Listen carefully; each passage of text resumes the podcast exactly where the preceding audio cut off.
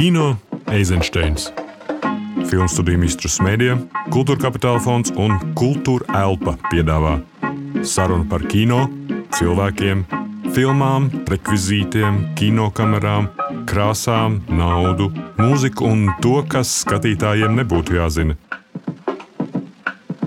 Cik dārgs ir kino?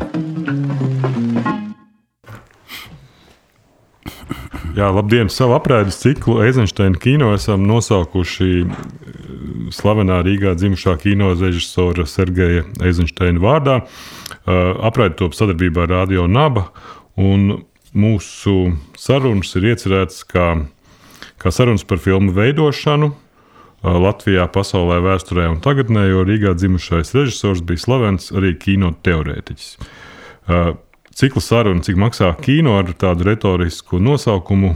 Ideja ir aizgūt no kādreiz stāstītā par Rīgas kino studijas gaitiņiem, ka cilvēki esot ietekmējušies viens no otra, ienīduši viens otru, slavējuši viens otru, palīdzējuši viens otram apmienoties ar domām par filmu tapšanu. Un tādējādi padarot savu uh, filmu veidošanu labāku. Tādēļ arī saruna starp uh, uh, kino profesionāļiem, producentiem un operatoru, un, uh, kuri līdzīgi kā kino kritika, mūsuprāt, ir kino procesa daļa. Mūsu sarunā šo retorisko nosaukumu piedalās producentes Alise Labdien! Aija Bērziņa. Labdien. Producents uh, Gunts Strekteris un Sveiki. kino operators un viens no kino nomas arkogēnas līdzīpašniekiem Gins Bērziņš. Labdien. Un uh, sarunu vadu es, uh, producents Gins Grūbe. Uh, mūsu nu, pasaules visu laiku dārgāko filmu budžets šobrīd svārstās. Es skatījos pēdējā laikā tā ap uh, nu, 250, 300 miljoniem ASV dolāru. Šis skaitlis, protams, mums nebūs nekāds atskaites mehānisms šai sarunai, jo tas atskaites punkts iespējams ir pēdējie 30 gadi. Uh, Un es apskatījos, ka tajā liktenīgajā pagrieziena gadā, 91. gadā, kad Latvijas kinocentra budžets ir bijis 80,000 lati. Mēs šobrīd esam situācijā, kad pagājušā gadā Nacionālā kinocentra finansējums bija 6 miljoni kopējais budžets. Un mēs šo sarunu rakstām pandēmijas gadā, kad pastāv daž, dažādas prognozes, cik grūti būs nākamie divi, trīs gadi. Un, uh, Ir arī optimistiskākas prognozes eh, par to, ka saturs jebkurā gadījumā būs vajadzīgs. Eh, es gribētu nu, ar šādu atskaites punktu jautāt jums, kā jūs eh, nu, domājat, vai kā jūs redzat, kas varētu notikt nu, tuvāko divu, trīs vai, vai pat piecu gadu laikā. Es varbūt sākšu Gunte, ar tevi, jo tu esi vissanāk no tā atskaites punkta no 91. gada. Jā, jā, es arī tikko apstājos statistiku. Es paskatījos statistikā, ka Es baidos samalot, kurš gads tas bija 93. vai 94. gads, kad minimāla alga Latvijā bija 22 lati. Tā kā tas ir domāju, tā, tā kaut kāda likuma sakarība starp, starp to budžetu un, un visiem citiem ekonomiskiem rādītājiem noteikti ir kaut kā pamatota. Bet ne par to ir runa. Jā, jautājums bija par, par to, kā varētu izskatīties nākotne.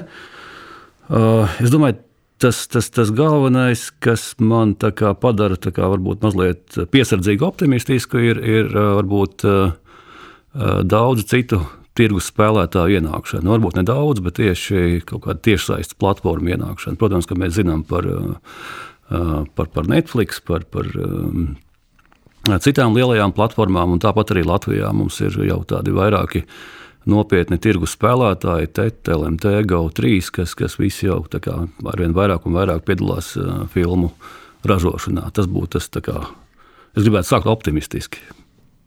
Mhm. Kādu jūs redzat nākotnē?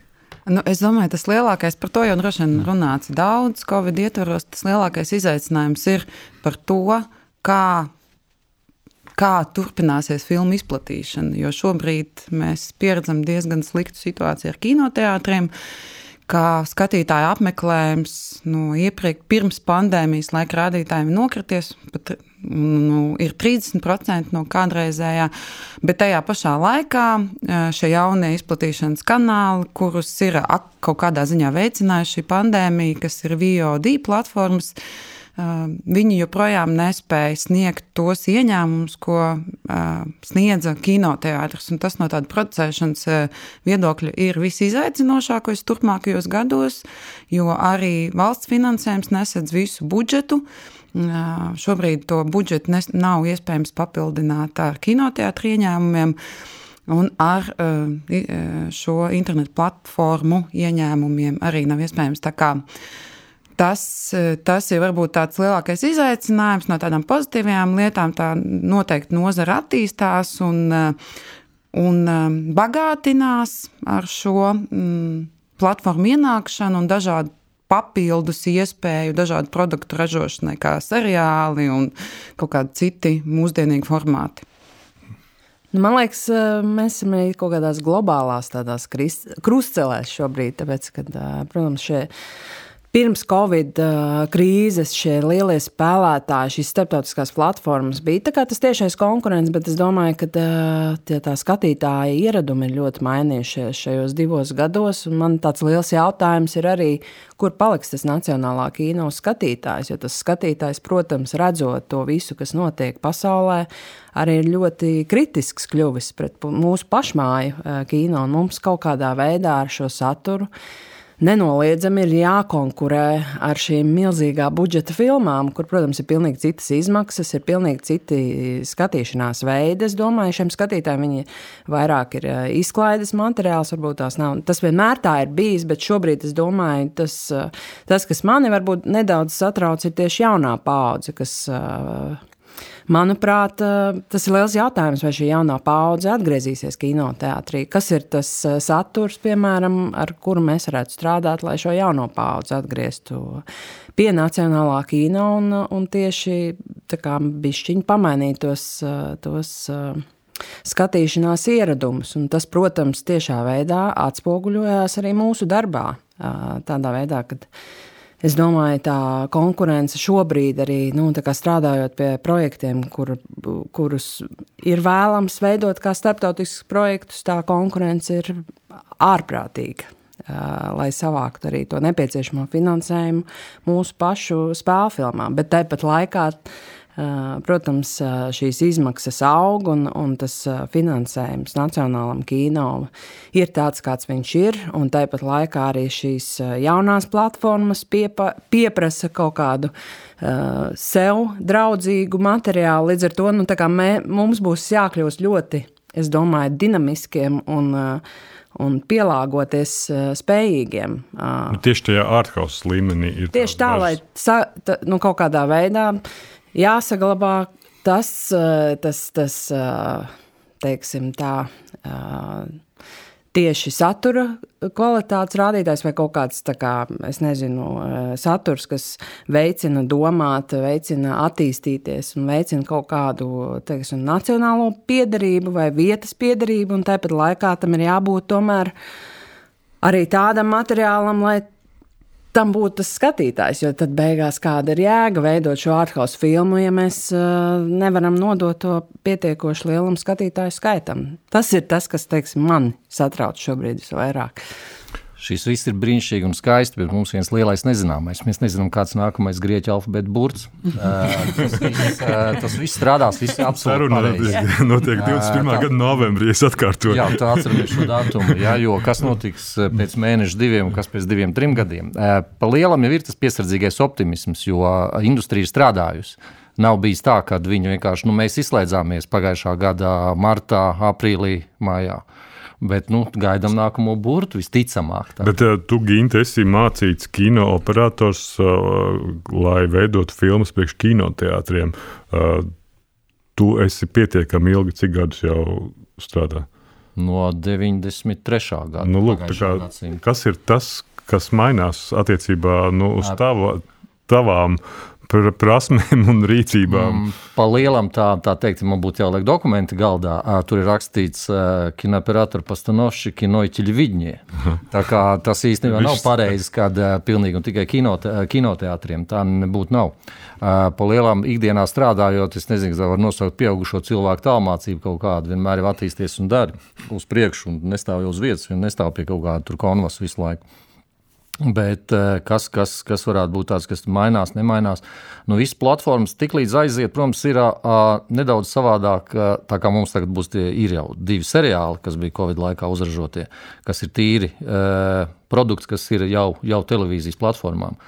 Uh, Pa lielam no operatoru viedokļa, tāda ir tehnoloģiskā viedokļa, nekas jau nemainās. Vismazāk mainās rado, radošā joma. Nu, nu, praktiski nekas. Tu dari to, to pašu savu darbu. Tātad visi tie pienākumi un uzdevumi vispārējais ir, nu, tas ir tas pats. Uh, kas varētu vēl uz priekšu pamainīties? Nu, nezinu, bija tā replika par profesijām, kuras izzudīs. Protams, uh, ir maģiskie fantastiski, kas saka, ka būs tik liels rezolūcijas attēls, kad vienkārši šo mūsu skaisto diskusiju nofilmēs no tā kakta uz kaut kādiem 128 k, un tad kādreiz ārā jūs te visus un liks, es nezinu, vai tas būs baudāms. Bet nu, tie ir tādi fantastiski, un tikpat labi arī aktieru teikt, aizstāšana ar digitāli zīmētām figūrām un neko tam līdzīgu. Visādi brīnumi būs, bet eh, es par tiem diviem, trim gadiem uz priekšu. Man, man visvairāk uztrauc tas lielais nezināmais pārējais, jo tā kā visu varēs izrunāt, un gan jau kāds kaut kādu naudu iedalīs. Bet, eh, nu, atgriežoties pie, tā, pie tām izmaksām, nu, Latvija izcenas arī oficiāli tiek uzskatīta par zemes kapacitātes kino ražošanas valsti, vismaz attiecībā uz kaut kādu Eiropas audiovizuālo saturu es vienmēr esmu domājis par to, nu, ko tas īsti nozīmē, izņemot to, ka tie filmu budžeti ir nu, vidēji. Ja mēs runājam par spēļu filmu budžetiem, tad 600 līdz 800 tūkstoši tā es varētu teikt par spēļu filmām Latvijā. Nu, es domāju, pirmām kārtām tas nozīmē to, cik, teiksim, ja mēs salīdzinām ar Franciju un Vāciju, principā tu vari finansēt filmu valsts ietvaros. Uh, ir dažādi fondi, ir uh, reģionālie fondi, ir uh, televīzija. Tu vari savākt naudu no dažādiem avotiem un arī principā šajās savas valsts ietvaros palikt Latvijā, tāpat kā citur.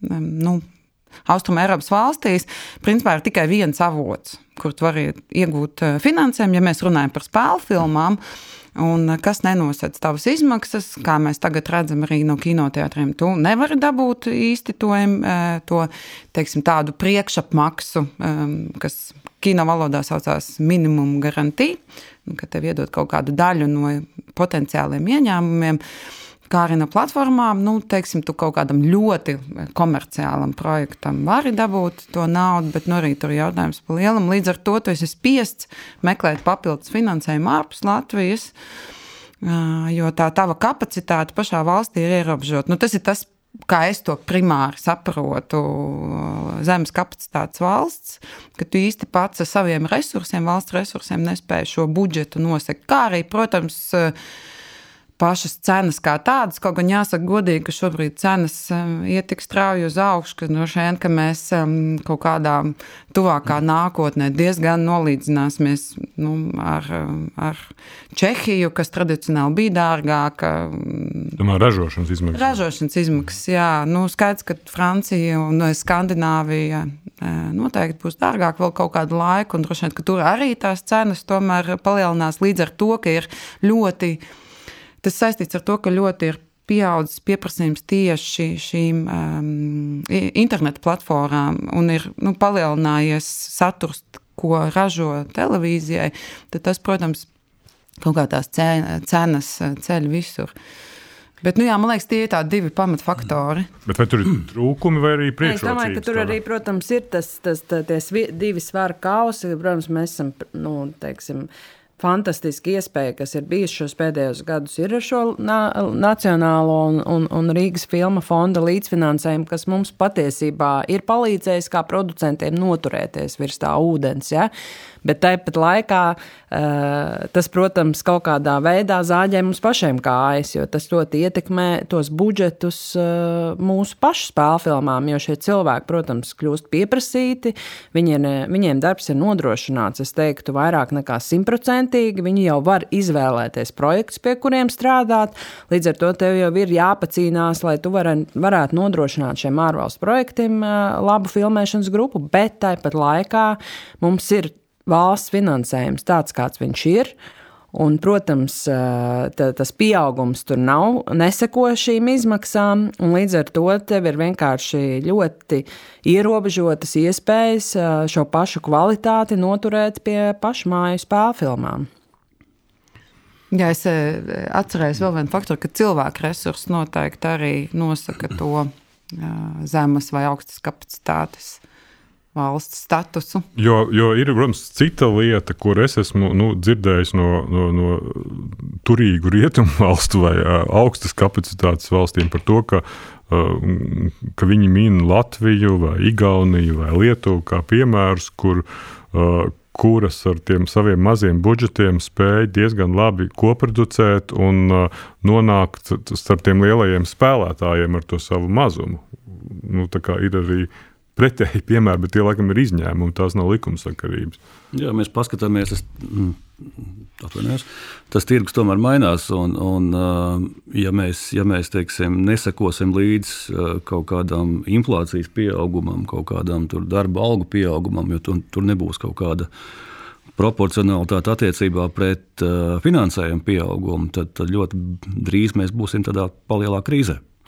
Mēs jau esam tādā krīzē. Nu, jā, Nē, nu, bet es, teiksim, es tikko biju arī tādā apmācības seminārā, priekš pieredzējušiem producentiem. Nu, teiksim, mums tur bija tā saucamais skate stadija, ka mums stāsta par kaut kādu piemēru, un Vācijas kompānija, nu, viņi runā par 4 miljonu budžetu. Mēs varam runāt, nu, maksimums par pusotru. Tas jau ir ļoti daudz priekš Latvijas. Man liekas, tur ļoti parādās tas, un tu saproti, ka tu vienkārši nespēji nu, tu nespēji to viņu zināšanu pie, pielāgot sev, tāpēc ka tev nav tās iespējas šādu finansējumu vispār savākt. Nu, es arī nekad tādā... neesmu. Es esmu saskāries arī šo jautājumu, strādājot ar vēsturiskām filmām, kad viņi apskatās mūsu budžetu, kas ir apmēram tas pusotrs miljons, ja ir veiksmīgas koprodukcijas un jurimāši.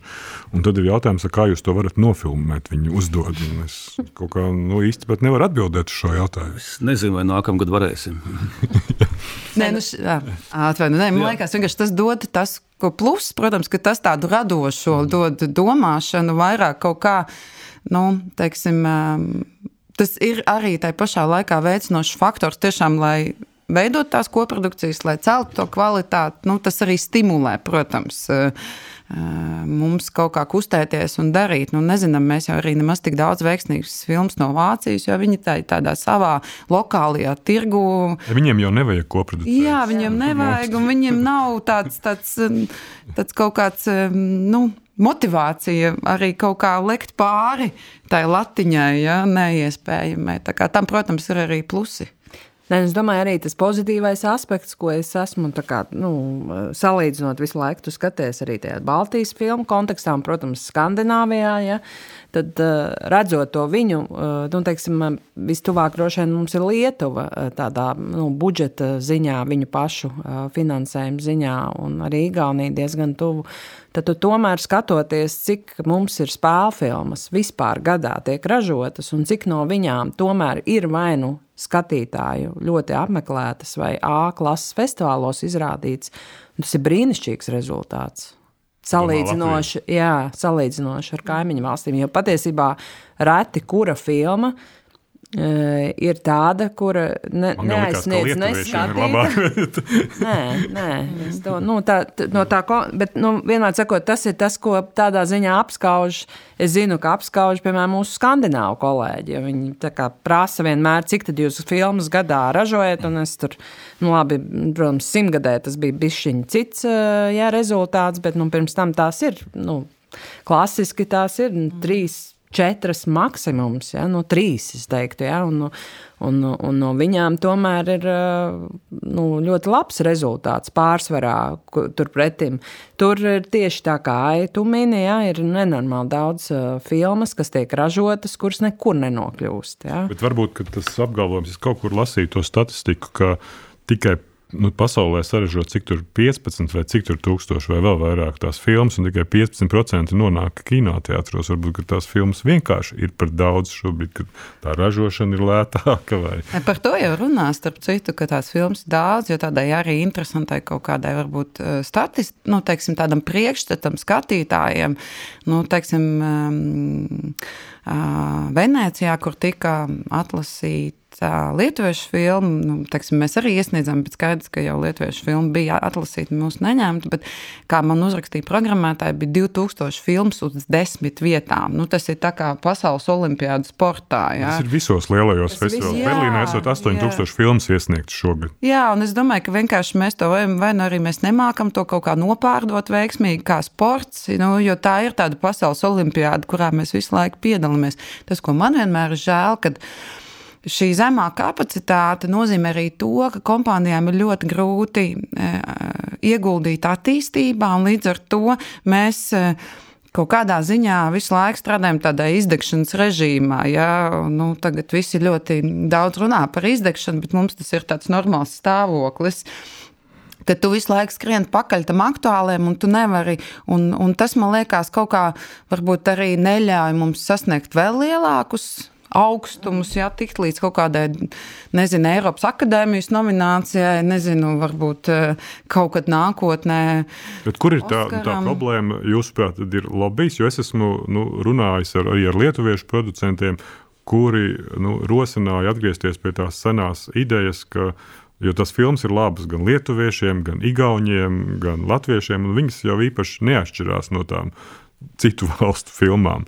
Un, uh, tas, tā ideja bija atgriezties pie tā senā zīmola Baltijas kino, līdzīgi kā ir mums izpratne par mm. Rumānijas kino. Mm. Varbūt ir iespējams nu, veidot tādu veidu zīmolu, kā Baltijas kino, kas ļautu, ļautu arī mums tās filmas labāk pārdot. Jo iespējams, ka var atrast kaut kādas kopīgas pazīmes gan narratīvos, gan vizualitātē. Un Nu, jautājums, kas tas Baltijas kino ir, jo viņš arī tagad mainās. Nu, teiksim, es domāju, ka kaut kādā veidā eh, eh, Baltijas kino bija ļoti saistīts ar tādu, nezinu, sociālo realismu, tādām diezgan depresīvām drāmām. Nu, un, un tagad tomēr arī bišķiņa ar jauno paudzi tas kino mainās. Vai es šaubos, vai mums pašiem, es, nu, man liekas, ka tā ir ļoti laba ideja, bet man liekas, ka mums pašiem īsti nav skaidrs, kas tas Baltijas kino īsti ir. Jā, ja paskatās, kā, kādi šie brendi ir bijuši, piemēram, Dogma vai, vai teiksim, Nordic Noir vai kaut, kaut kas tāds, nu, it kā būtu tāds tas brands jārāda, bet tad tepat Latvijas iekšēnē, nu, paskatāmies, mums ir jaunie režisori, brāļi Ābelis un, un uh, Un uh, Uģis Olt, kas piedalījās Tallinas um, festivāla konkursā, un, un, un uh, mums ir pašiem tik liela dažādība, ka ļoti grūti pateikt, ka tas ir kaut kāds viens žanrs vai viens brands vai, vai kaut, kaut kas. Ja? Jā, es domāju, ka kaut kādā ziņā, kas Latvijā ir aktuāli, un, uh, un es domāju, kopš 90. gadiem, kad nav prestižs vēl joprojām tam kino, nav tas prestižs, kas, piemēram, ir uh, Latvijā teātriem attiecībā uz parasto cilvēku. Man liekas, tas, ka simtgadi mainīja ne, diezgan lielu. Es domāju, ka tas bija tāds pirmais grūdienis, bet paskatieties, kur mēs esam šodien atkal. Ja? Nu, tādā ziņā es jūtu arī kaut kādā ziņā, varbūt tās arī no jaunās paudzes. Nu, nav, piemēram, nu, nav, nav tā dzīšanās, kad, piemēram, ja es, ja man ir visi tie mākslas spektri, ja, ko es gribētu izvēlēties, ka kino būs tas, kas uz ko es tiekšos, jo tas tomēr ir kaut kas īpašs. Ja? Mums tomēr tā, tā kultūra ir ļoti tendēta uz teātri, es domāju, laikmetīgā māksla, visa veida mākslas, bet tas tam kino nav vēl tas, tas eh, man, tā ir mana personīgā sajūta. Un tas, protams, ir tas, ko Aija min, ka mums kā producentiem eh, būtu tas mūsu uzdevums veidot to ar to prestiža zīmīti, ja? Bet mums, diemžēl, nav ne finansiālās, ne arī tā, tā pašu kapacitāte, kā mēs visu laiku esam tajā izdegšanas režīmā, ja, lai ieguldītu tiešām darbu uz tiem projektiem, kas mums ir, un parādītu arī plašākai publikai tos panākumus. Ja? Jo vienmēr mēs kā, raujam tos diedziņus pa labi, pa kreisi, bet tam. Nu, Nu, jā, un tā problēma arī tāda, ka, diemžēl, tas birokrātiskais sloks paliek ar vien lielāks, lielāks, un kad nu, viņš atņem ļoti daudz enerģijas. Viņš atņem ļoti daudz enerģijas, ko tu varētu ie, ie, ie, ieguldīt šajā eh, ražošanas, nu, teiksim, kaut kādā radošajā aspektā, eh, jaunu ideju ģenerēšanā un, un produktu radīšanā, jaunu satura radīšanā. Bet, uh, bet Gins, vai tev ir par Baltijas kino ideju? Ir.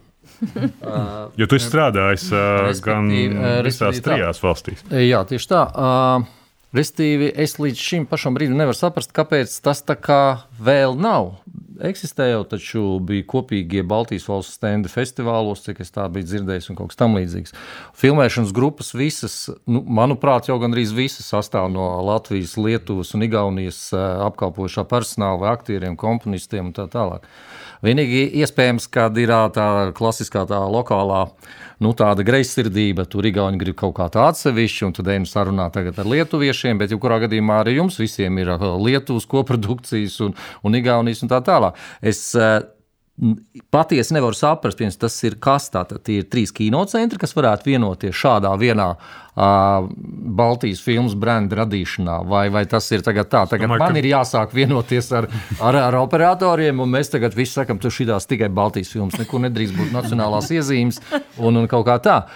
Nu, tīri praktiski, nu, nu, tagad šodien pieņemam šādu lēmumu, un ir Baltijas filmas. Kāds notiek? Es domāju, ka tas vairāk ir tāds ideoloģiski veidots stāsts, kas mm. ir jāveido, kuru veido visi spēlētāji. Tas nav tikai kino. Tas ir stāsts, stāsts par kino. Tas nav. Un, ja, ja, kurā gadījumā ir kādam, kas to kā, publicē un dod ārā sabiedrībai. Bet es, es gribētu ātri nokomentēt, ka tomēr, nu, teiksim, ja mēs paskatāmies uz rumāņu kino, ja mēs paskatāmies uz skandināvijas kino, viņiem ir vienots, kā, tas nav par formu, nu, respektīvi, tas viss ir detaļas kinocentā, bet ir, jā, ir kaut kāds līdzīgums tajā tieši satura kreatīvajā ziņā. Un, teiksim, rumāņu, kas ir noteikti. Piekrītu. Rumāniju atsevišķu valsts piedāvām, kas ir daudz savādāk. Tas nav trīs dažādu valstu. Un patiesībā Brents Skandināvijas kino priekš manis arī tā ir ļoti, ļoti tāds viņš irdens. Mm -hmm. Dāņu kino ja, nu redz, stipri atšķiras no somu kino. Es domāju, ka viena no tām tendencēm vai vien no, viens no tiem soļiem, kā, kurā virzienā jau ir iets, nu, piemēram, es skaidroju Skandināvijas kino to kaut kādu vienoto sajūtu sajūtu.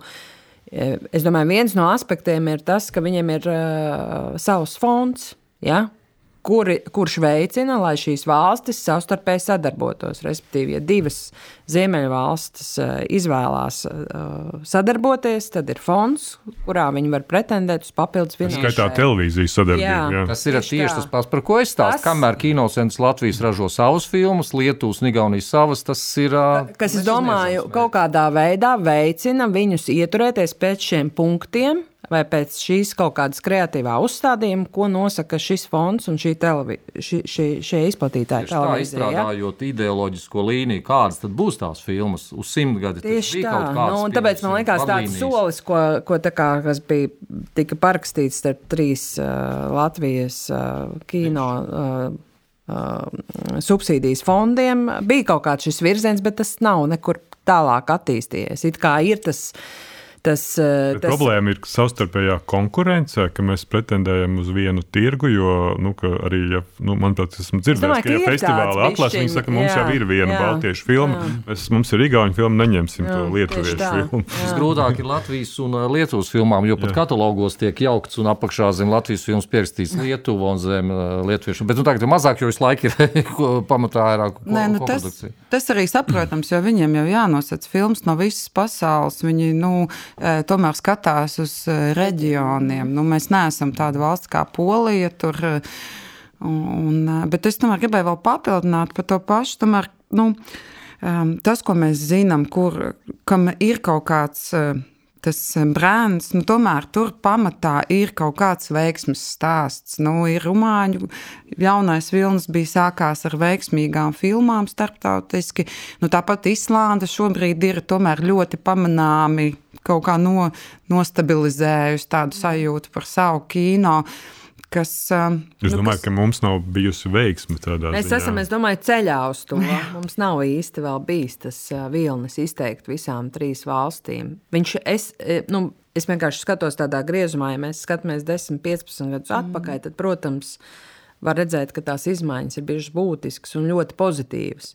Bet nav vēl bijis vienots, nu, ka teiksim, visās, nu, es tā to redzu, kad piemēram divu gadu laikā tur trīs valstu spēcīgas filmas tiešām nonāk kaut kur zvaigžņu. Ja? Zvaigžņotās debesīs. Ja? Un tas kaut kā sasauc kā, to interesi par to reģionu, kas tur notiek, un varētu radīt kaut kādu papildus pat Latvijā. Es domāju, jo, jo man šķiet, tas... ka tur, tur, protams, var strādāt, tas ir darbs, bet no otras puses tur patiešām ir arī veiksmes faktors. Jā, jā. Un es tomēr gribētu iemest te vēl vienu faktoru, ka tomēr tas ir arī izglītība. Un man liekas, ka nu, izglītībai. Tad... Programmētājiem nē, nē, es domāju, kino skolām, cik tieši viņas sadarbojas Baltijas kaut kādā līmenī. Jo man liekas, nu, teiksim, rumāņu kino ļoti raksturīgs ir daudz to, ka viņi daudz runā. Viņi, nu, viņiem ir kaut kāda stilistika, kas īstenībā nāk no tā, kā tiek mācīts kino. Tur arī ir sava sava nu, kaut kāda ārtava, ko tieši izglīt, e, kino skola ieliek tā nu, brenda veidošanā. Bet, bet mēs visi tā performējam ļoti. Sadarbības ne, aspekts, jo strādājot pie dokumentālās filmas par Rail Baltiku, mēs nonācām diezgan ātri arī pie secinājuma, ka Protams, tur ir uh, ārējie ienaidnieki, kuri mēģina bremzēt šo projektu, bet vislielākie ienaidnieki, kuri mēģina bremzēt šo projektu, ir starp šīm trijām Baltijas valstīm.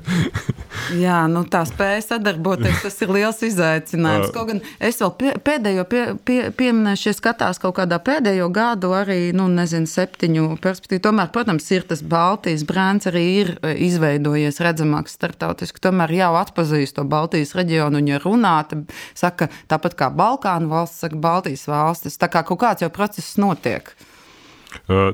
Tad, protams, ir jautājums, kuru, par ko man teica Igauni producenti, ka viņi visu laiku gaida par šo veiksmju stāstu. Viņu izpratnē tas veiksmju stāsts ir, kuru Igauni filmu nonāks Netflixā.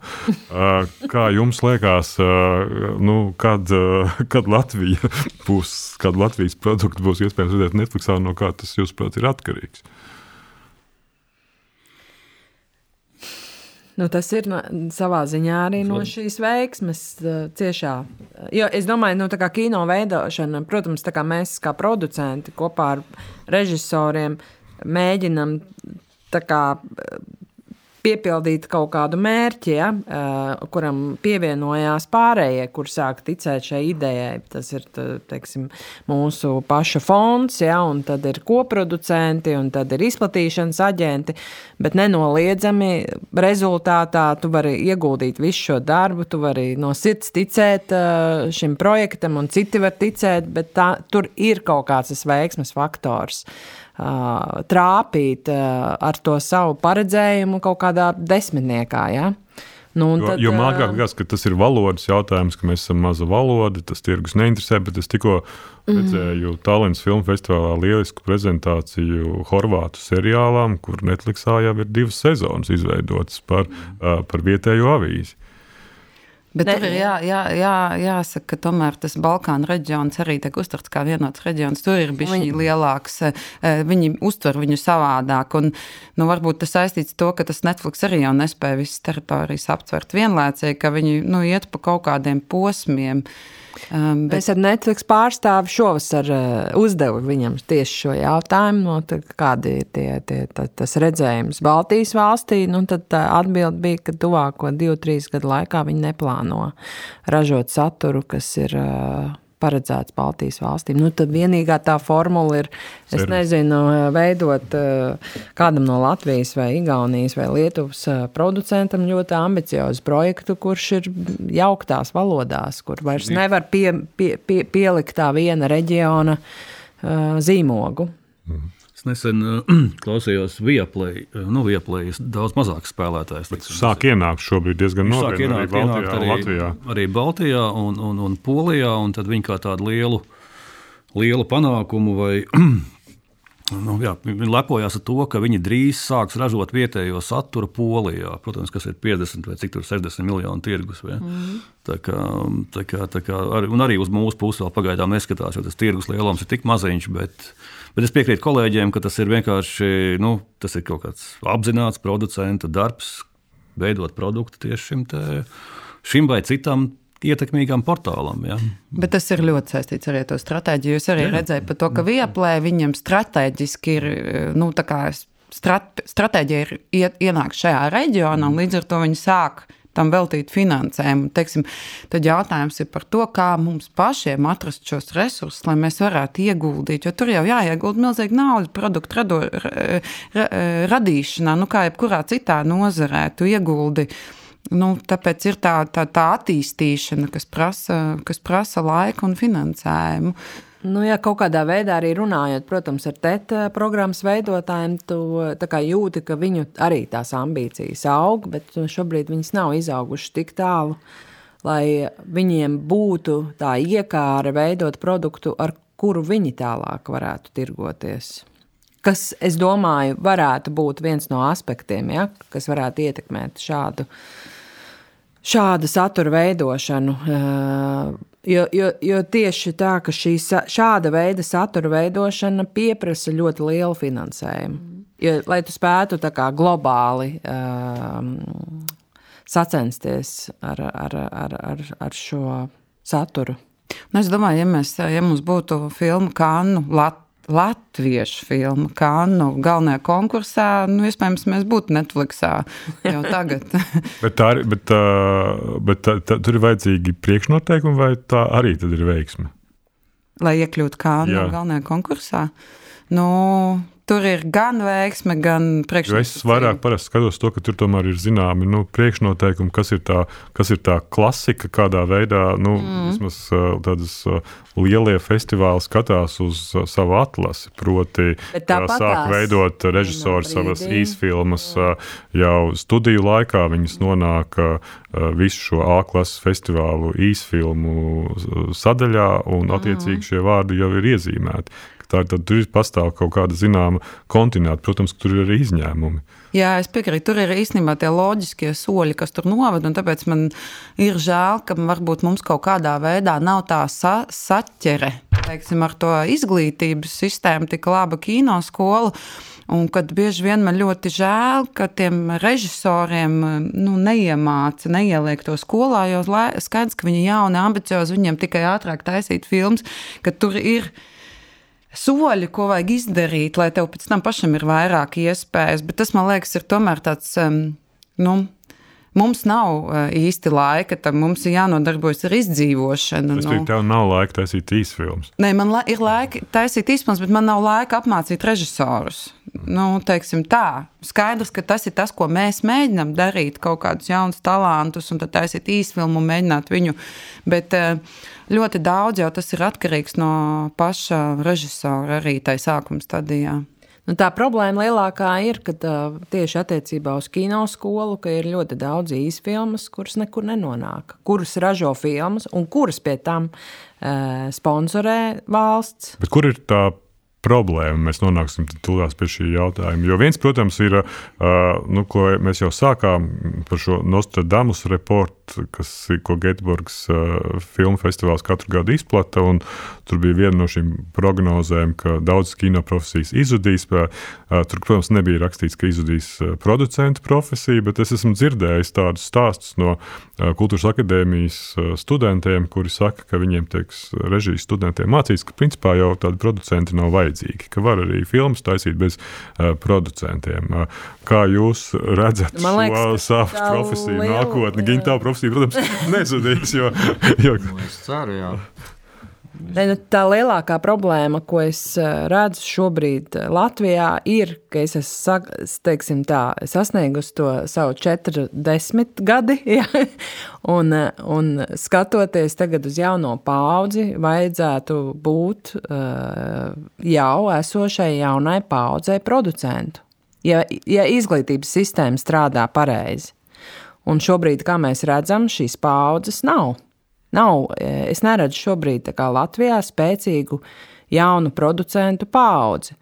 Un, un tā lielākā problēma ir tajā, ka e, no kino skolas iznāk uh, cilvēki, kas ir pabeiguši producēšanu pēc papīra. Bet viņi patiesībā pat nezina, ko nozīmē producenta profesija. Jo viņi atnāk, uh, Un viņu uztverē ir producēšana, ir kā pēc vecā, vecā standarta. Filmas, eh, filmas direktors, kurš organizē filmēšanu. Un, eh, un tas man vienkārši absolūti izbrīna, ka četru gadu laikā šie cilvēki nav sapratuši, vai viņiem nav izstāstīts vispār. Man ir priekšstats, Kas ka ir, jūs abas eh, divas, vai jūs visi trīs paņemat vienu cilvēku un jūs trīs izmācīsiet, nu tā lēnā garā. Bet tas, Ne, bet, protams, ir par to kopīgo tendenci, kas tiek uh, Un, nu, veidots. Jā, jā, es un gribēju tas papildināt tas jau to, ka tas arī atsaucās uz to, ko mēs iepriekš minējām par šiem jaunajiem režisoriem. Jo, ja šī izglītības sistēma strādātu pareizi, tad šie jaunie producenti atrastu jau savus režisorus studiju laikā, ar kuriem viņi jau cīnītos A klases festivāla konkursos ar īsfilmām šajā kombinācijā. Jo šāds gadījums bija mūsu dabiskā gaisma, kur visi trīs cilvēki, kuri veidoja operators, producentu un režisors, visi bija studiju biedri. Un tas ir tas labākais Tā ir veids. klasiskā schēma, tas ir klasiskā kinoskolas schēma, kad pr- principā nāk ārā tā tad jau dombiedri.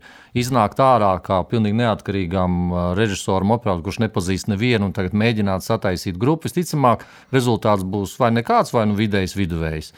Tieši tā. Tiklīdz uh, skolās arī vējās, un ja ir tā skola uzbūvēta tā, ka jau nu, vismaz BFM, man liekas, tā ir un diezgan labi viņiem iet šajā jomā, ka viņi veido savus darbus, viņi mācās kopā. Viņi ir producents, režisors, operators, un, un, un viņi, viņi taisa savus filmus augšā. Viņi jau ir gatavi. Beidzot skolu, viņi ir gatavi jau. Viņi jau var kaut ko darīt augšā. Tieši tā. Nu, jā, es zinu, ka, teiksim, Prāgā, FAMU arī turpat ir tā, ka skolā ir speciāls cilvēks, kas sūta uz visiem festivāliem. Jo skaidrs, ka mums nu, tā kā tam nav. Nu, nu, teiksim, tādā ikdienas darbā tam Bet ir ļoti maz. Te ir arī aspekts, eh, es, piemēram, esmu Mums palīdzējis šiem jauniešiem sūtīt ja, šīs filmas un stāstīt, bet, eh, bet no otras puses, man liekas, tas, eh, tas ir arī kaut kāds tāds, varbūt, teiksim tā, nu, negribās citreiz iedot to, to, to roku, ja? Te nu mēs Eh, esam.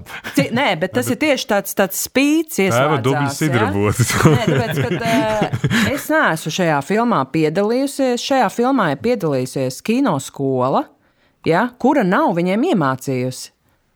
To, ka šai filmai jānokļūst festivālā. Ja? Bet tad varbūt sadarbība ar studijām, no filmu studijām un producentiem būtu tas risinājums, ka tas kādā veidā, kādā veidā mēs varētu runāt arī par to. Kā šīs īsfilmas padarīt konkurētspējīgas starptautiski, jo es pieļauju, ka tas īsfilmu tirgus ir vēl lielāks nekā tas spēļu filmu tirgus. Bet es domāju, tur būtu ļoti nopietni jāpaskatās, kas producentiem, producentiem vienā vai otrā augstskolā tiek mācīts. Jo, jo faktiski iedomājieties situāciju, ka atnāk režisors ar savu kaut kādu pirmo ideju, ar scenāriju. Tad pirmais cilvēks, kas to lasa, ir, ir, ir producents. Tas nozīmē, to, ka arī producentam jāspēj ir atšķirt, es nezinu, labs pieteikums mm. no slikta pieteikuma. Viņam jāmāk ir lasīt, viņam jāsaprot kaut kas par dramaturģiju, viņam jā, jā, patiesībā jābūt zināmām tā pašām lietām, kas, kas ir režisoram vai scenāristam. Jā. Bet mums ir situācija, kad, kad, kad šie cilvēki viņi rakstīt nemāk. Ja? Jā, viņi Jo mums, tā, tas, ko mēs, teikumus. tas, ko mēs darām, mēs laikam rakstām pieteikumus. Ja? un Mums ir jāmāk uh, normāli, pieklājīgi izteikties, un plus vēl komatu salikt. Ja, ja mums nav nevienas vietnieks, kas viņus, mūsu vietā viņus saliek. Ja? Mm. Tā kā tur ir jādomā, kas viņiem tiek mācīts un kādam mērķim viņi tiek, tiek gatavoti. Ja? Nu, man liekas, tā viena no. Plus vēl zināšanas par tirgu un tā tālāk. Un tā tālāk liekas, ja. no tām viena, tā, bet tas ir mans priekšstats. Man liekas, viena no tām pamatprasmēm, kas producentam jābūt, ir spējai izvērtēt scenāriju un palīdzēt režisoram. Nu, kaut kā, teiksim, norādīt uz tām, nevis norādīt, bet nu, palīdzēt kaut kā uh, attīstīt to scenāriju labā produktā.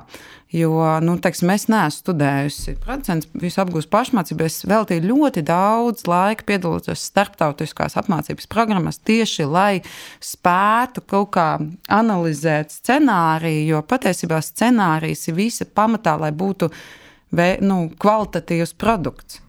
Nu, teiksim, tas ir vispār tāds, man liekas, pats būtiskākais aspekts. Un tad, ja mēs runājam par to producentu lomu, vai producents ir vajadzīgs vai nē, nu, es domāju, vienkārši jāpaskatās uz to. Mēs varam analizēt no visiem aspektiem, bet varbūt vienkārši jāapstāsta uz to, nu, uz veiksmīgām filmām un netik veiksmīgām. Nu, tad eh, tieši cik daudz mikro, paņemsim kaut vai mikro budžeta konkursu, kuras mikro budžeta Nu, ir filmas uh, Laila Pakalniņa, kur pati producē savus Jā, filmas, tas ir tāds teikšu. viens eh, jā, veiksmīgs izņēmums. Es piekrītu, ir arī tādi izņēmumi Eiropā, kur ir šī apvienotā, bet pārsvarā tomēr tas ir tāds atsevišķi izņēmumi. Bet, ja mēs paņemam kaut vai to mikrobudžetu, tad paskatāmies, kuras filmas ir tādas bijušas redzamas skatītājiem veiksmīgas. Tur, kur ir bijis labs producents. Nu, bet, labi, mēs, gan, bet šis īsfilmu problēma ir filmu budžeti. Nu, kāpēc viņi nenonāk tālāk šo studentu filmas, jo talanti jau tā kā būtu? Kā tu domā, tie filmu budžeti? Tie- nav budžeta. Jā, jo es domāju, vai tā problēma ir tajā, ka tās īsfilmas, uh, kā tādi kursa darbi un diploma darbi, Es jau teiktu, ka šai konkurencei vajadzētu sākties jau kino skolā. Ka ir jābūt gradācijai. Ja? Nevis tā kā šobrīd, kad ir kaut kāds vienots budžets, ko viņi sadala vienmērīgi visām īsfilmām. Es saprotu, ka tas ir mācīšanās process, bet mācīšanas procesā jau ļoti svarīgi izprast to veidu, kā, ar ko tu saskarsies dzīvē. Ka tev ir jākla, jākvalificējās konkrētiem kvalitātes kritērijiem, lai saņemtu vairāk finansējumu. Ja? Tev ir jābūt varbūt spēcīgākam producentam, kurš labāk uzraksta projektu, tev ir jābūt labākam scenārijam ja?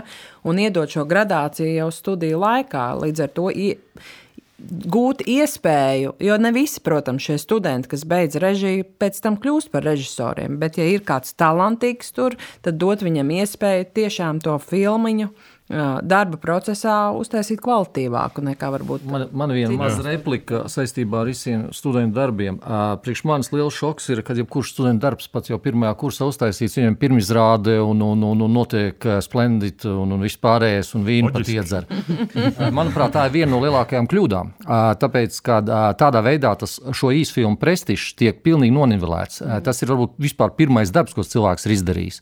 Tas, tā, tā hierarhija mācīšanās ir jābūt kaut kādu tādu tu vienu uztaisīji, vēl vienu. Tās labi saucās īsfilms, bet viņi, eh, tās vēl nav produkts, lai tu varētu iet ar viņus uz festivālu, pat uz studentu festivālu. Nē. Priekš manis, eh, pieņemsim, eh, Pateicoties Jurģim Krasonam, esmu bijis pāris reizes rojālā apstīties, kā izskatās.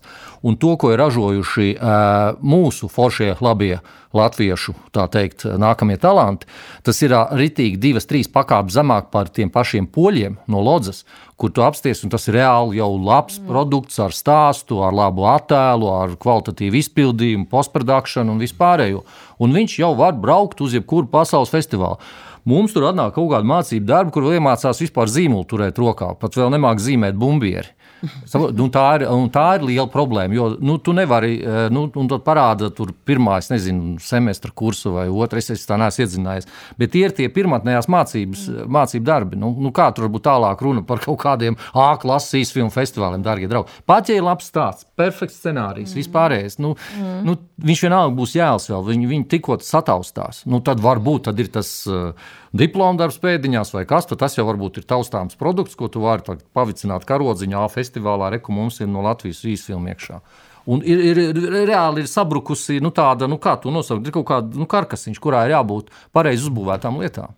Mēs runājam par tiem, kas ir vienkārši mācās gaismas likt uz, uz bumbieru, tā paša uzzīmētā, kur nemācīja storyboardā iezīmēt vai kā tam līdzīgi. Tā kā, nu, es domāju, tas te, te ir lielā sāpē patiesībā. Un tas, ka režisori, kas jau ir izmācījušies, pieņems tikpat labi, kā jūs sakat, ir īsfilmu tirgus, un viņš ir diezgan interesants. Ir. Lielos festivālos tās īsfilmas citreiz pat interesantāk skatīties nekā lielās, garās, garlaicīgās konkursu uh, filmas.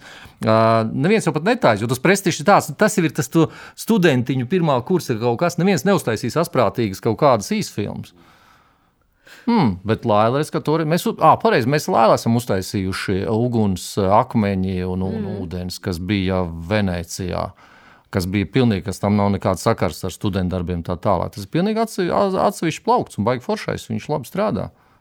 Bet nu, pirms trim gadiem KKF sāka šo mazbudžeta nu, filmu filmu ražošanu, kur mērķis bija, es saprotu, meklēt kaut kādu eksperimentālu kino valodu, attīstīt uh, Latvijā, un nu, ir radīts filmas blakus, ir uh, filma maiņa, tagad ir upurga. Nu, tās ir redzamākās, man liekas, nezinu, tur ir vēl filmas uh, radīts, un um, tad ir jautājums. Uh, nu, Nu, vai mēs šobrīd, jau pēc trim, četriem gadiem, varam izvērtēt nu, tos ieguvumus vai, vai, vai, vai zaudējumus? Kāda ir bijusi tā jēga no šāda veida nu, programmas pastāvēšanas? Nu, es... Ko teiktu, pirmais, kas man visu laiku liekas uz, uz mēles, ir tas, ka ši, šī būtu, manuprāt, ši, šim finansējumam vajadzētu būt uh, kā starta pozīcijai kvalitīvām īsfilmām. Uh, Labāk. labāk Nekā labāk nekā filmetrāžai. Jo ar ko es personīgi saskaros, ir tas, ka jā, un, nu, šobrīd ir asiņaina vēlme visur pēc debitantiem. Šis ir tāds debiju, debijas filmu laiks.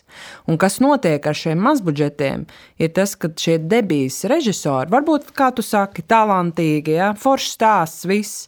Bet, diemžēl, mēs dzīvojam pasaulē, kur skatītājs un arī šie paši programmu festivālu uh, izvērtētāji ir ļoti kritiski arī pret uh, ražošanas kvalitāte. Ja? Viens ir tas, ka tev ir stāsts, bet tu vienmēr gribi, kā, ka tur ir piestrādāts kaut kas īpašs, kaut kas oriģināls pie, pie šī attēla, pie aktieru spēles, pie scenārija, kuru tu vienkārši fiziski par šo naudu nevari izdarīt. Viens, ja? Es nezinu, kurš režisors stāstīja, ka Kanu festivālā vienreiz, kurā tur Ansētena gada esot nonākusi filma ar 60 tūkstošu dolāru budžetu. Un... Jā, bet tad man, es arī tikko redzēju grieķu brīnišķīgu filmu par 250 tūkstošiem eiro, un es runāju ar režisoru, un, eh, un tas darbs ieguldīts ir milzīgs ko arī šis, eh, bet nu, tie ir 250 tūkstoši vismaz, ko tu vari izdarīt par 80 tūkstošiem. Ja?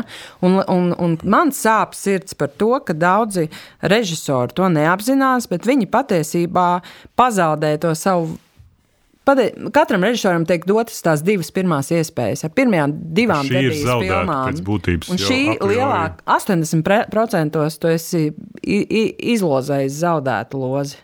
Tur ir viena, tur ir viena liela problēma, kas, eh, ka šie, šīs idejas, kas iet uz mazbudžeta filmu konkursu, kad, kad, kad viņas ir nesagatavotas.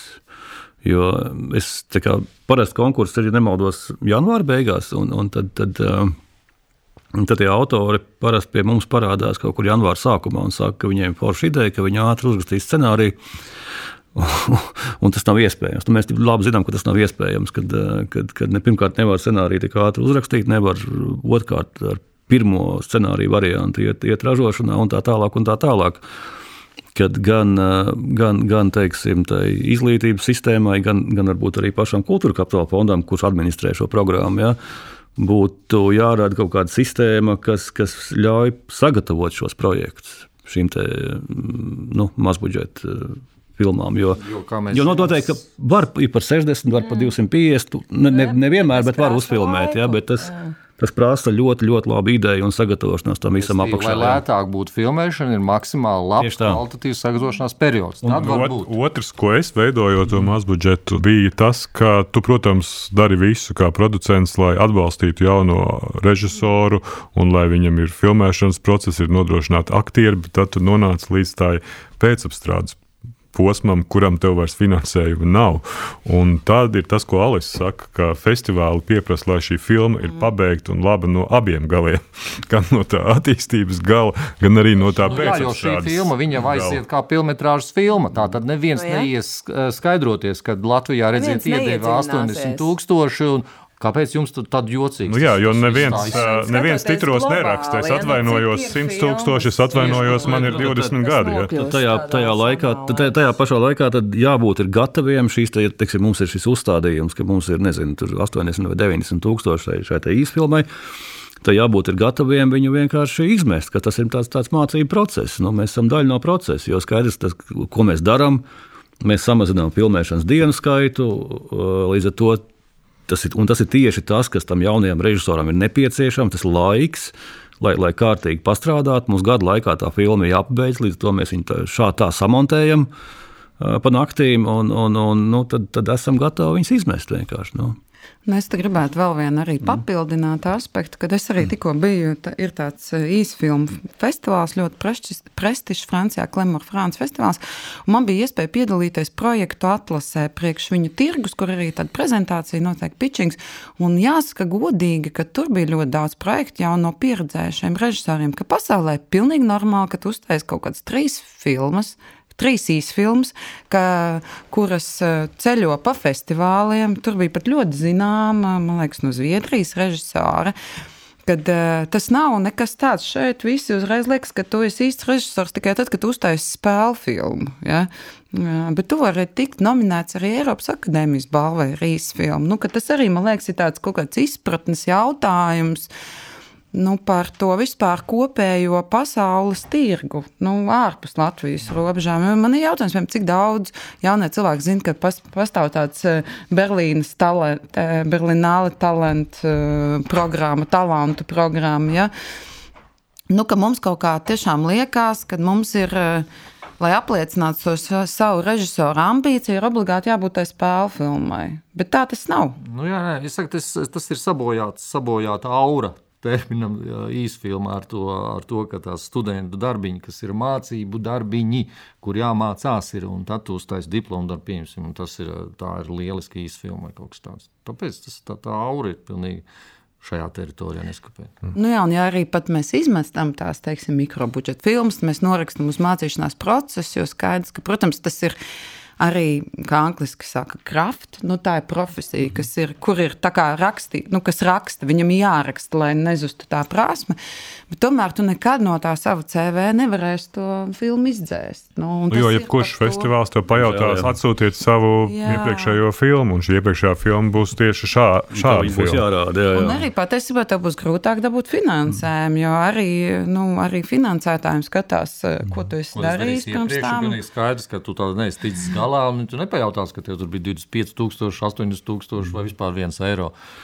Lai gan es, es gribu teikt, ka, nu, protams, ka nevar, nevar salīdzināt to līmeni, ar kādu nāca ārā jaunie režisori, operatori no, no, no, no filmu skolām pirms gadiem desmit, un to, kas ir tagad. Es domāju, tas līmenis ir stipri augstāks, un tas ir pateicoties gan kultūras akadēmijai un un pasniedzēju sastāvam, bet, bet, bet nu, kaut kas tajā sistēmā joprojām ir uzlabojams. Ja. Kā teica Valentīna Freimana, ar talantu vien nepietiek, vajag prasmes, un tās prasmes var attīstīt tikai darot. Nē, nu, protams, bet es gribēju citu ja, tēmu, ko, ko Gunts iezīmēja sarunas sākumā par tiem trim, pieciem gadiem, par to, ka dažādojās šie fondi. Un mēs tikko Tallinas filmu festivālā dzirdējām, ka, ka tiek prezentēts Igaunijā jauns fonds, Kalifornija, kas vairs nav tāds garantētais, kas ir tāds aizdevuma fonds kino ražošanai. Ja, un es esmu arī tādu vērtējumu no tiem, kas gatavo nākamo Nostradamus reportu dzirdējis par kino nozari, ka, ka tie tradicionālie fondi ļoti konservatīvi un nereaģē patiesībā ļoti lēni reaģē uz tām dažādajām finanšu avotu izmaiņām, kuras ir parādījušās tirgu. Un tad ir jautājums, jā, kas būtu tie priekšnoteikumi, nu, lai Latvijā mēs arī nonāktu pie tāda līdzīga aizdevuma fonda, vai tie ir rental hausi, vai tie ir, eh, kur jau daļēji kaut kādā veidā nu, piedalās tādā veidā, man šķiet, bet eh, nu, kas ir tie, tie virzieni vai veidi, lai mums arī būtu savs Kalifornija, kas var gadā, cik es skatījos, viņi Nākamā gadā 500 mārciņas, bet tas bija Screen International. Bija tas atcīm, 700 ja, eiro viņi iegulda trīs filmās. Jā, man liekas, tas ir ļoti svarīgs konteksts. Mēs esam par šādu domājuši finansējumu, kā, bet tur ir nu, vajadzīgi kaut kāda. Mēs esam pat, eh, man liekas, bijusi tikšanās ar Altumu un kultūras ministriju par tieši šādu nu, fonda kaut kādu izveidošanu, bet nu, tā ir, protams, arī tāda politiskā griba augst, augstākajā līmenī un, teiksim, spēja, nu, politiķi spēja mūs sadzirdēt. Nu, ja mēs ņemam Igaunijas piemēru, tad es tomēr saprotu, ka tur ir ir aiz muguras cilvēks, kas ļoti mīl kino. Ja? Tas ir nu, kaut kāda akāla veiksmes faktors priekš Igaunijas. Tas ir cilvēks, kuram ir nauda, bet viņam ir Jā. vēl īpatnība.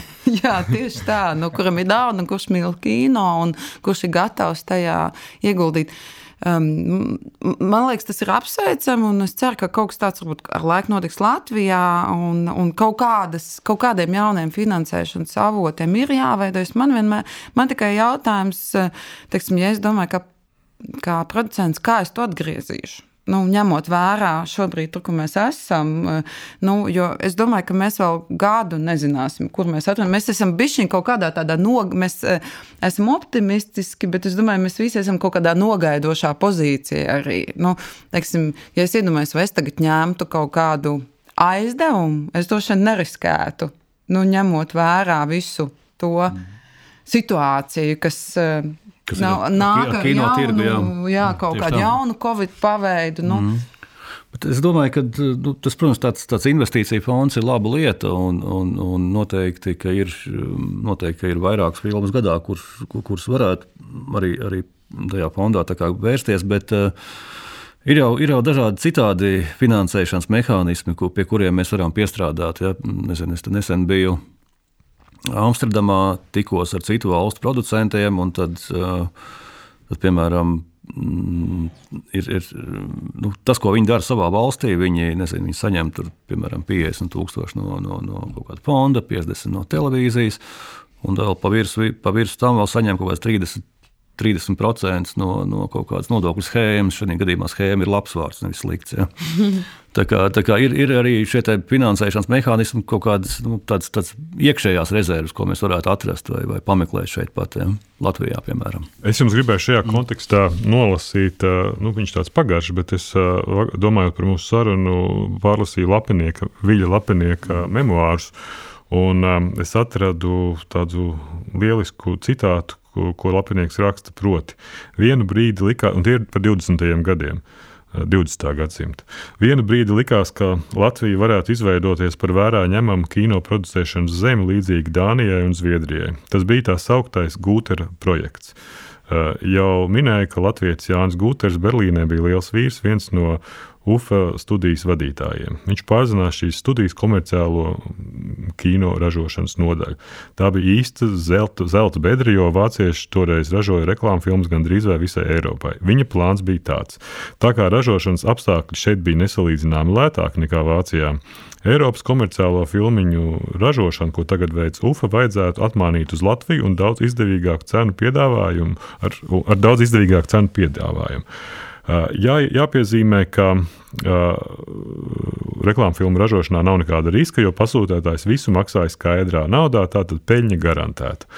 Ar to uh, Gūters gribēja finansēt latviešu filmas, kurām eventuāli vajadzētu zināmas piemaksas tas vairs nebūtu jāņem no kultūra kapitāla fonda, to dotu ārzemju filmu komerciālie pasūtījumi.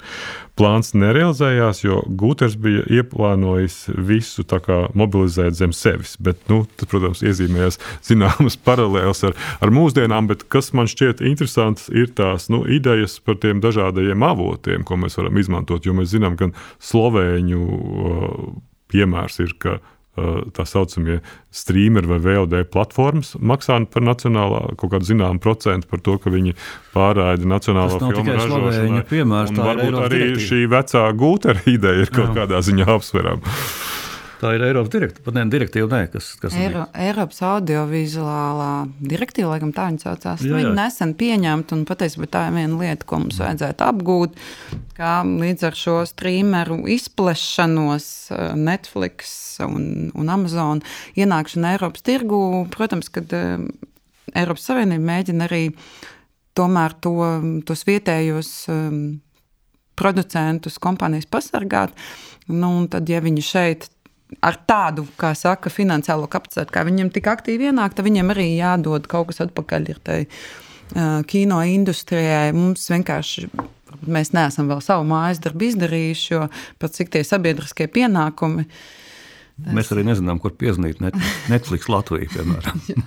kur ne, tā, ir tā lielā ir, problēma kur ir mūsu mazo teritoriju? Pat, tas ir uh, likumdošanas jautājums, jā, nu, kam, kam ir jāpieķerās. Procentām iedzīvotāju skaitā es pieļauju. Es domāju, ka tas ir, jā, bet ir ļoti mazs, mazs tāds.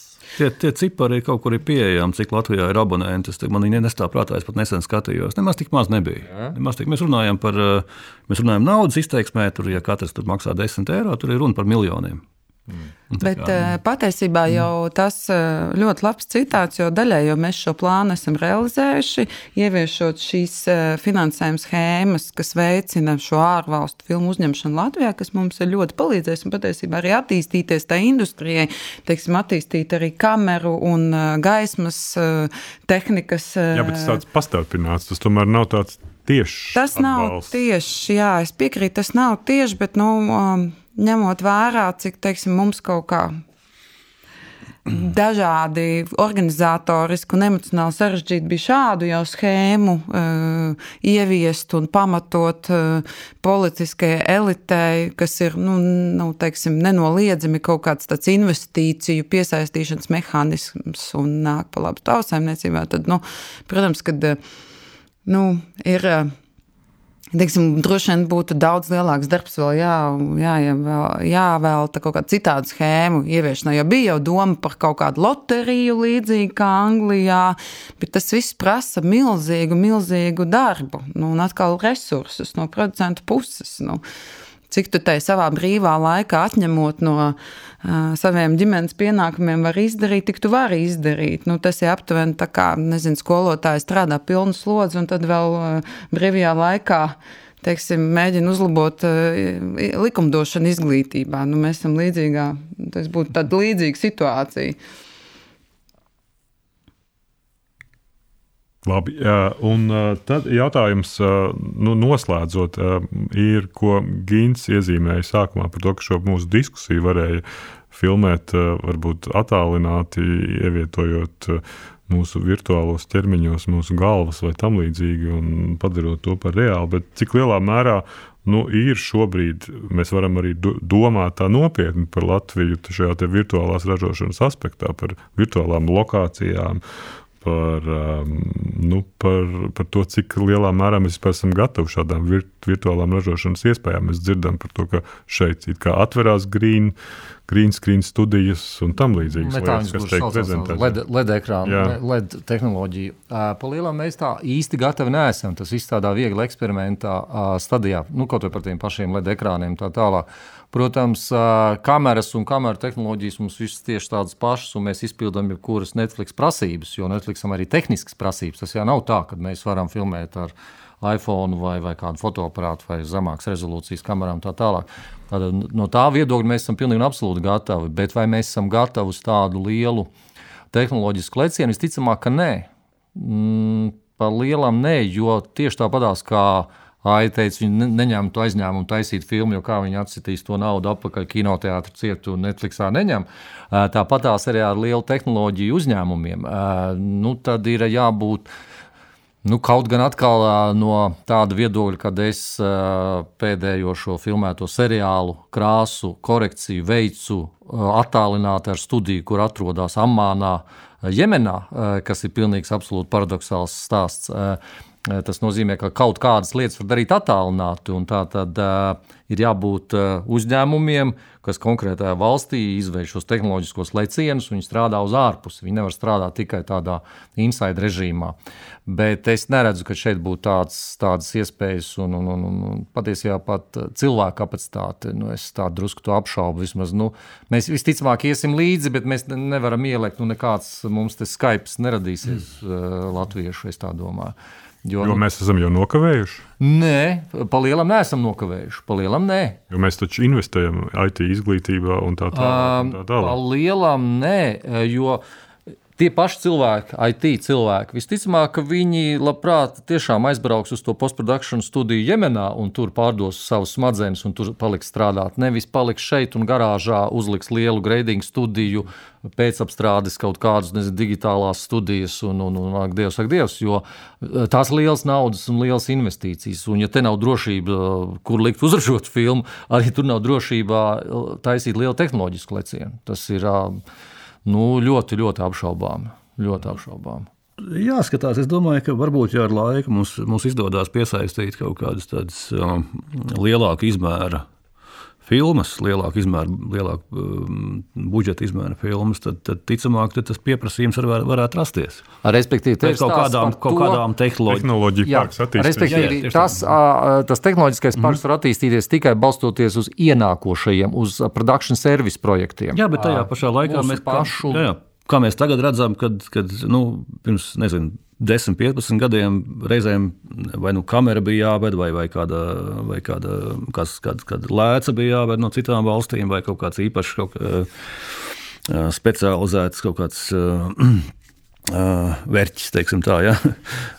dažādos departamentos. Šobrīd Patiesībā visu var dabūt, pieejams, var dabūt Latvijā, no nu, lielākoties. Ja. Jā, nu tā tad, kas ir tas darba, darba ikdienas darba režīms? Kāds jau ieguvums mums ir no tā? Protams, ja, nu, protams mēs ejam uz priekšu, tas viss tas attīstās, bet es neredzu tā, ka nu, mēs varētu pēkšņi izrauties uz priekšu. Nu, kad, jo es tieši tāpatās ļoti daudz manas filmas ir, kuriem viss pēcapstrāde notikusi Prāgā, kur ir divas lielas, trīs lielas pēcapstrādes studijas. Tas, tas, nu, viņi kaut kur jau, jau, jau tālāk ir. Tas, tā jau viņiem ir ikdiena, kas tā mums varētu būt. Nu, tā ir tomēr ražošanas tradīcija, kas tur nepārtrūk. Absolūti. Un pat no filmu laikiem tā ir tā tradīcija, kas, kas lai gājusi mums, principā, ir joprojām tā, tad jau ir 21. gads, nu, pa lielam ir visu laiku mēs tajā posmā, ka tā kā būtu no nulles jāsāk. Nu, visu laiku ir tā sajūta, ka, ja gribētu ar to nodarboties, tas būtu, ar to būtu jāsāk no nulles. Un tas, tas ir tas jocīgais paradoks. Bet, lai varētu attīstīties, pēc maniem ieskatiem, tīri tā tehnoloģiskā niša, visa, kas ir saistībā ar ražošanu, pēcapstrādi vispārējo, tie ir projekti, kas ir production service projekti. Protams, tur atkal ir visas līdzproducēšanas lietas, un tā tālāk. Viņi atnāk, uzfilmē mm. laimīgi ar savu lokāciju, apkalpoju šo personālu, lēto un lēto kameras tehniku, gaismu un pārējo, un aizbrauc. Postu taisa savā Londonā, Briselē un, un, un, un Minhenē, jo Minhenē patreiz ir vislabākā LED studijā, kas ir ar 270 grādu ekrānu, plus arī jums, kur tu uzliec, nezinu, tur kaut kādas tur ainavu iekšā un tad tikai filmē ņemies, kas arī nav tik vienkārši, tas viss tā, tā vulgarizējot. Tā, bet, eh, bet to izmanto ļoti liela, ļoti liela projekta, jo tās izmaksas nav mazas. Plus vēl tas stāsts, kas arī ir saistībā ar tikpat labi arī ar kamerām un citām tehnikām. Tos LED ekrānus šodien uzliekot, viņi jau pēc sešiem mēnešiem vai pēc 12 mēnešiem jau būs jāmaina uz augstākas rezolūcijas. Mm. Tā tad tev jāspēj šajā īsajā laika posmā ir savākt atpakaļ to naudu un dabūt resursu, lai atkal iet tālāk.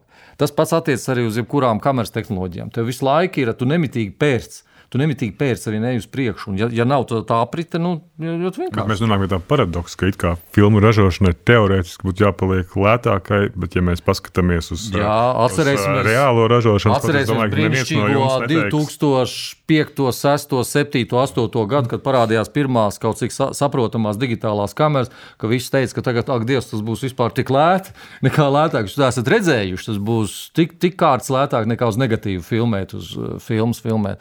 Bet, Bet, kas, kur tā problēma fokus pūle ir auga?